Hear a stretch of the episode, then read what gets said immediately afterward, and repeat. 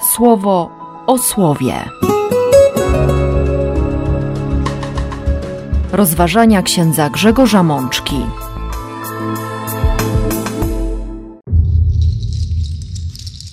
Czwarta niedziela Adwentu, rok C. Z księgi Micheasza. Ty, Betlejem, domu Efrata, jesteś zbyt mały, aby się liczyć wśród tysięcy Judy. Z ciebie jednak wyjdzie mi ten, który będzie władcą w Izraelu. Z Psalmu 80. Nie odstąpimy już od ciebie. Pozwól nam żyć, abyśmy mogli wzywać Twoje imię. Z listu do Hebrajczyków. Dzięki tej woli jesteśmy uświęceni przez ofiarowanie się raz na zawsze ciała Jezusa Chrystusa. Z Ewangelii według świętego Łukasza. Szczęśliwa ta, która uwierzyła, że spełnione zostanie, co jej od Pana zostało powiedziane. Siostry i bracia, przed nami czwarta niedziela Adwentu. To już końcówka. Chciałoby się powiedzieć tak trochę na ostatnich nogach, bo przecież już trzy tygodnie za nami i jeszcze pięć dni, aż wydarzy się to, na co czekamy. To znaczy, będziemy świętować kolejną rocznicę urodzin naszego Zbawiciela. Wejścia Boga tak bardzo realnie w historię naszego świata i jednocześnie wypełnienia tej historii łaską i miłością. Oczywiście wiemy, że najważniejszym naszym oczekiwaniem jest uświadomienie sobie adwentu naszego życia. My przygotowujemy się, my tęsknimy, my próbujemy zrozumieć, niekoniecznie przyspieszyć, ale na pewno trwać w gotowości i kierunkować nasze serce na spotkanie z Bogiem, które będzie dla nas spotkaniem wiecznym. A jednocześnie chcemy po raz kolejny ucieszyć się i świętować rocznicę narodzin Chrystusa. Dlatego na czwartą niedzielę Adwentu Kościół daje nam cztery słowa, w których możemy, jak w lustrze, zobaczyć te nasze tęsknoty, uświadomić sobie Boże pragnienia i przekonać się, jak bardzo Bóg chce być Bogiem bliskim każdemu z nas. Najpierw proroctwo Michała, piąty rozdział, pierwsze cztery wersety i nawet niepełne. Betlejem domu Efrata, jesteś zbyt małe, aby się liczyć wśród tysięcy Judy. Betlehem. Mówi się o tym, że, że to miejscowość, której nazwa pochodzi od nie tyle domu chleba, co miejsca, gdzie w starożytności oddawano cześć jednemu z bożków. Dom Efrata to prawdopodobnie nawiązanie do terenów przyległych do Betlejem.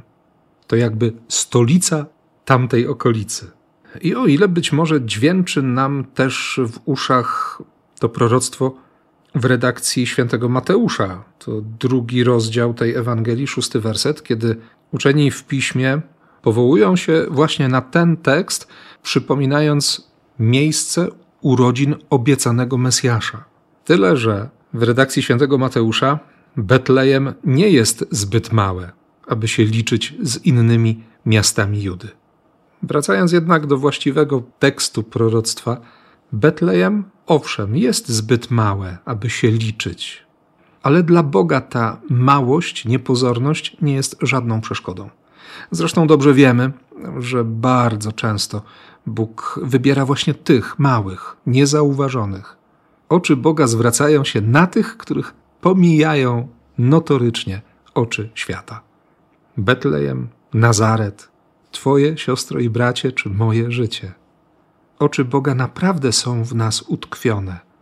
I tak jak Bóg dotknął swoim słowem i postawił pieczęć nad Betlejem, jak znalazł tych dwoje młodych ludzi tam, gdzie nikt w ogóle nie pomyślałby, że można szukać kogoś, z kim da się rozmawiać o zbawieniu świata, tak samo przychodzi dzisiaj do nas. Mnie to dzisiejsze słowo bardzo mocno uświadamia, że, że nie jesteśmy pominięci, że nie jesteśmy nieważni. Myślę, że trzeba to dziś mocno powiedzieć i bardzo wyraźnie to słowo usłyszeć. Nawet jeśli mamy doświadczenie pominięcia, Nawet jeśli to doświadczenie przekłada się na naszą relację z Bogiem, bo skoro ludzie nas nie zauważają, to gdzie dopiero taki wielki Bóg? Bóg daleki, Bóg, którego nie mogę dotknąć, na którego nie mogę spojrzeć, z którym nie mogę normalnie porozmawiać i tak dalej, i tak dalej. Gdzie on się będzie przejmował kimś takim jak ja? Ziarnkiem pyłu albo cieniem pionka?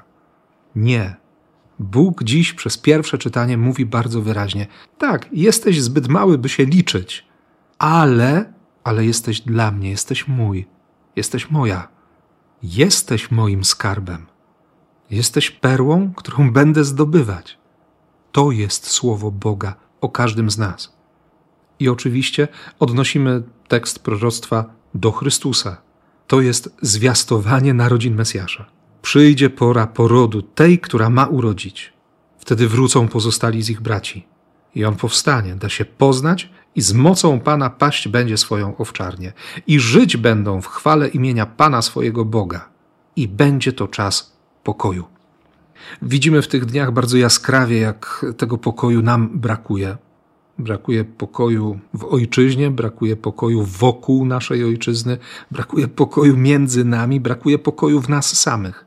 Nie przez przypadek też nasze rekolekcje adwentowe mówiły o tym, który jest księciem pokoju i który przynosi pokój do naszego domu, który chce, abyśmy skosztowali i zasmakowali w tym darze, jakim jest pokój Chrystusa. Bo ten Boży pokój to po pierwsze uświadomienie sobie, że Bóg naprawdę nad wszystkim panuje, że nic mu się z rąk nie wymknęło, że Bóg nie zapomniał, że się nie odwrócił, że nie wzgardził, że nie odrzucił, że się nie przeraził ani nie zgorszył. I oczywiście nikomu z nas nie daje to prawa do, do uspokojenia swojego serca twierdzeniem, skoro mamy takiego Boga, to hulaj dusza. Nieprawda. Piekło jest. I to również jest prawda wiary. Ale miłość, z którą przychodzi Bóg, ona pozwala na zmianę myślenia. Ona przekonuje swoją autentycznością, by, by naprawdę stawać się innym człowiekiem, by wybierać sposób myślenia i działania samego Boga, by dać się poprowadzić jak owca albo przepraszam za wyrażenie, nie przymierzając jakiś baran, ale dać się poprowadzić przez tego pasterza. Dać się poprowadzić we wspólnocie Kościoła. To nie owczy pęd, to nie bezmyślność, to nie zacofanie, to nie żadne średniowiecze, choć wieki średnie tętniły niezwykłym pragnieniem wiedzy. I właśnie wtedy dokonało się tak wiele przełomów w ludzkim myśleniu. Nie jesteśmy ciemną masą, nawet jeśli chodzimy na roraty odprawiane w ciemności. Właśnie po to, by, by uświadomić sobie, potrzebujemy światła, potrzebujemy pasterza, potrzebujemy Boga, który wie, jak jest, który widzi o wiele dalej niż my jesteśmy w stanie zobaczyć i dostrzec, i poprowadzi nas tak, byśmy przeszli przez to życie bezpieczni i byśmy byli naprawdę szczęśliwi na wieczność. Co na to odpowiemy? Może psalmem 80.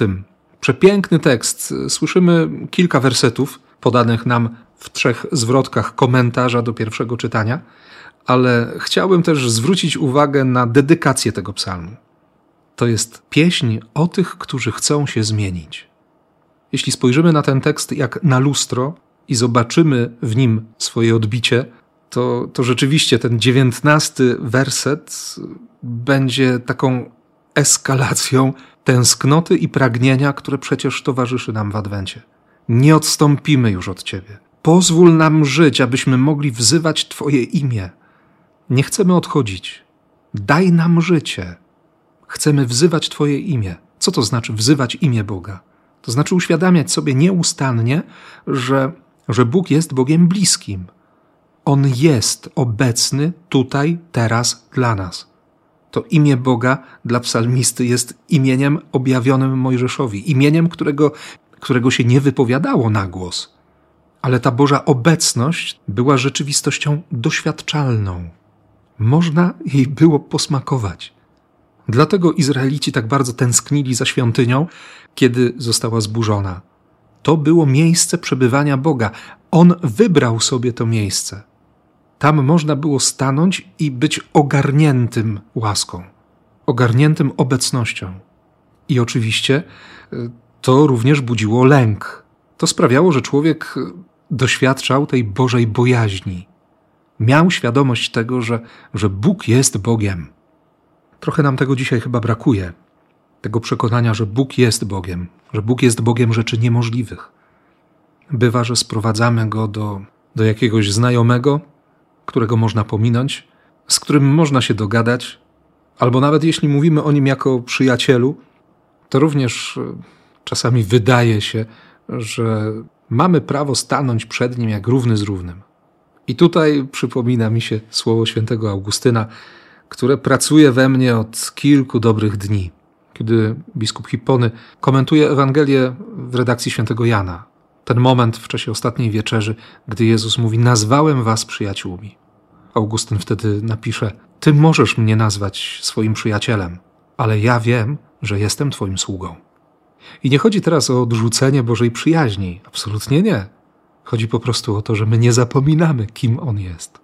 I z tym większą radością, z tym większą miłością i większym oddaniem potrafimy przyjąć Jego sposób patrzenia na nas, na ten świat, na wszystko, co się wydarza, również na naszą przyszłość. I upewnia nas w tej drodze dziś autor listu do Hebrajczyków. Fragment dziesiątego rozdziału, wersety między piątym a dziesiątym. Większość tego tekstu stanowi cytat Psalmu 40, wersety od 7 do 9. Autor listu przytacza te słowa, wkładając je jakby w usta Chrystusa. Zresztą o tej tajemnicy śpiewamy w ostatnich dniach Adwentu, w tak zwanych wielkich antyfonach o, o mądrości, o wodzu Izraela, o Adonai, o Emanuelu. I w tym zachwycie, do którego zachęca nas lektura Psalmu 40 również, dobrze jest zwrócić uwagę na ostatnie dwa wersety dzisiejszego czytania. O tym, że Chrystus, który przychodzi, by spełnić wolę Ojca, usuwa pierwszą ofiarę, by ustanowić drugą.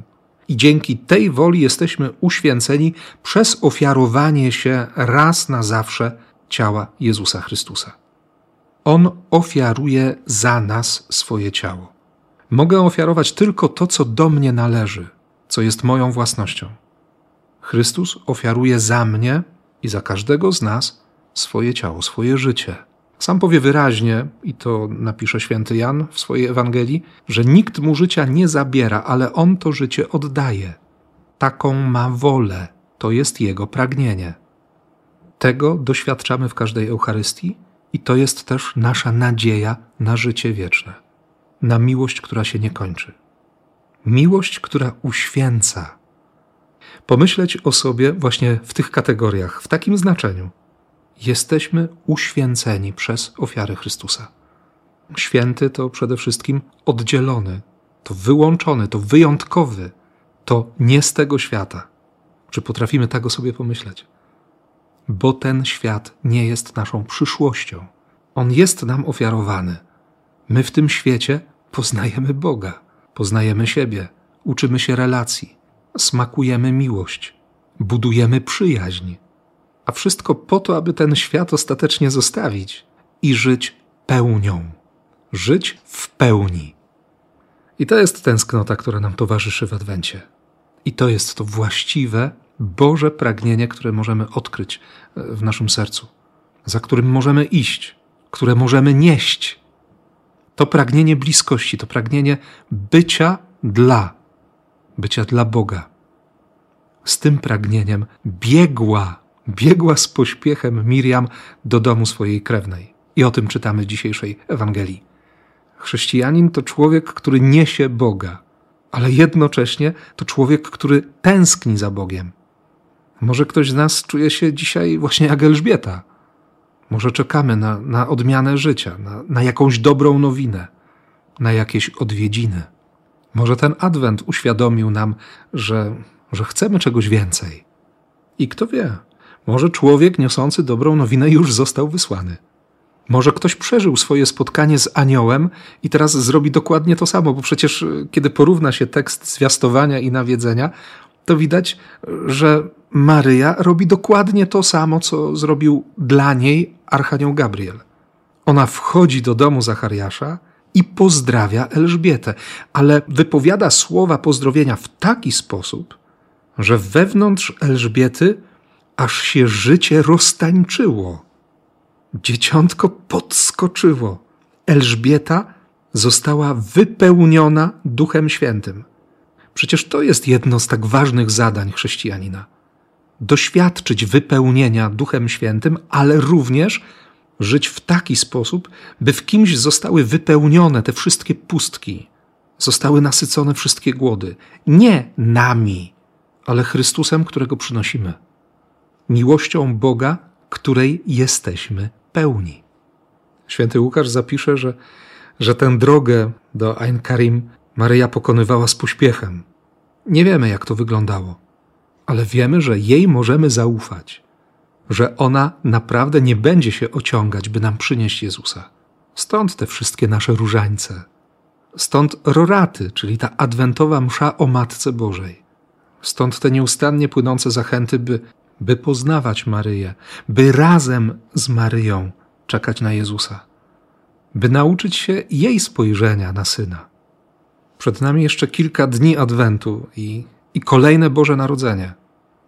Poprośmy ją, aby nam pokazała tę drogę Boga do nas i aby nauczyła nas odpowiadać na Słowo Boga, abyśmy zostali wypełnieni życiem, które przynosi Duch Święty i aby to świętowanie Narodzenia Pańskiego było naprawdę świętem życia i miłości.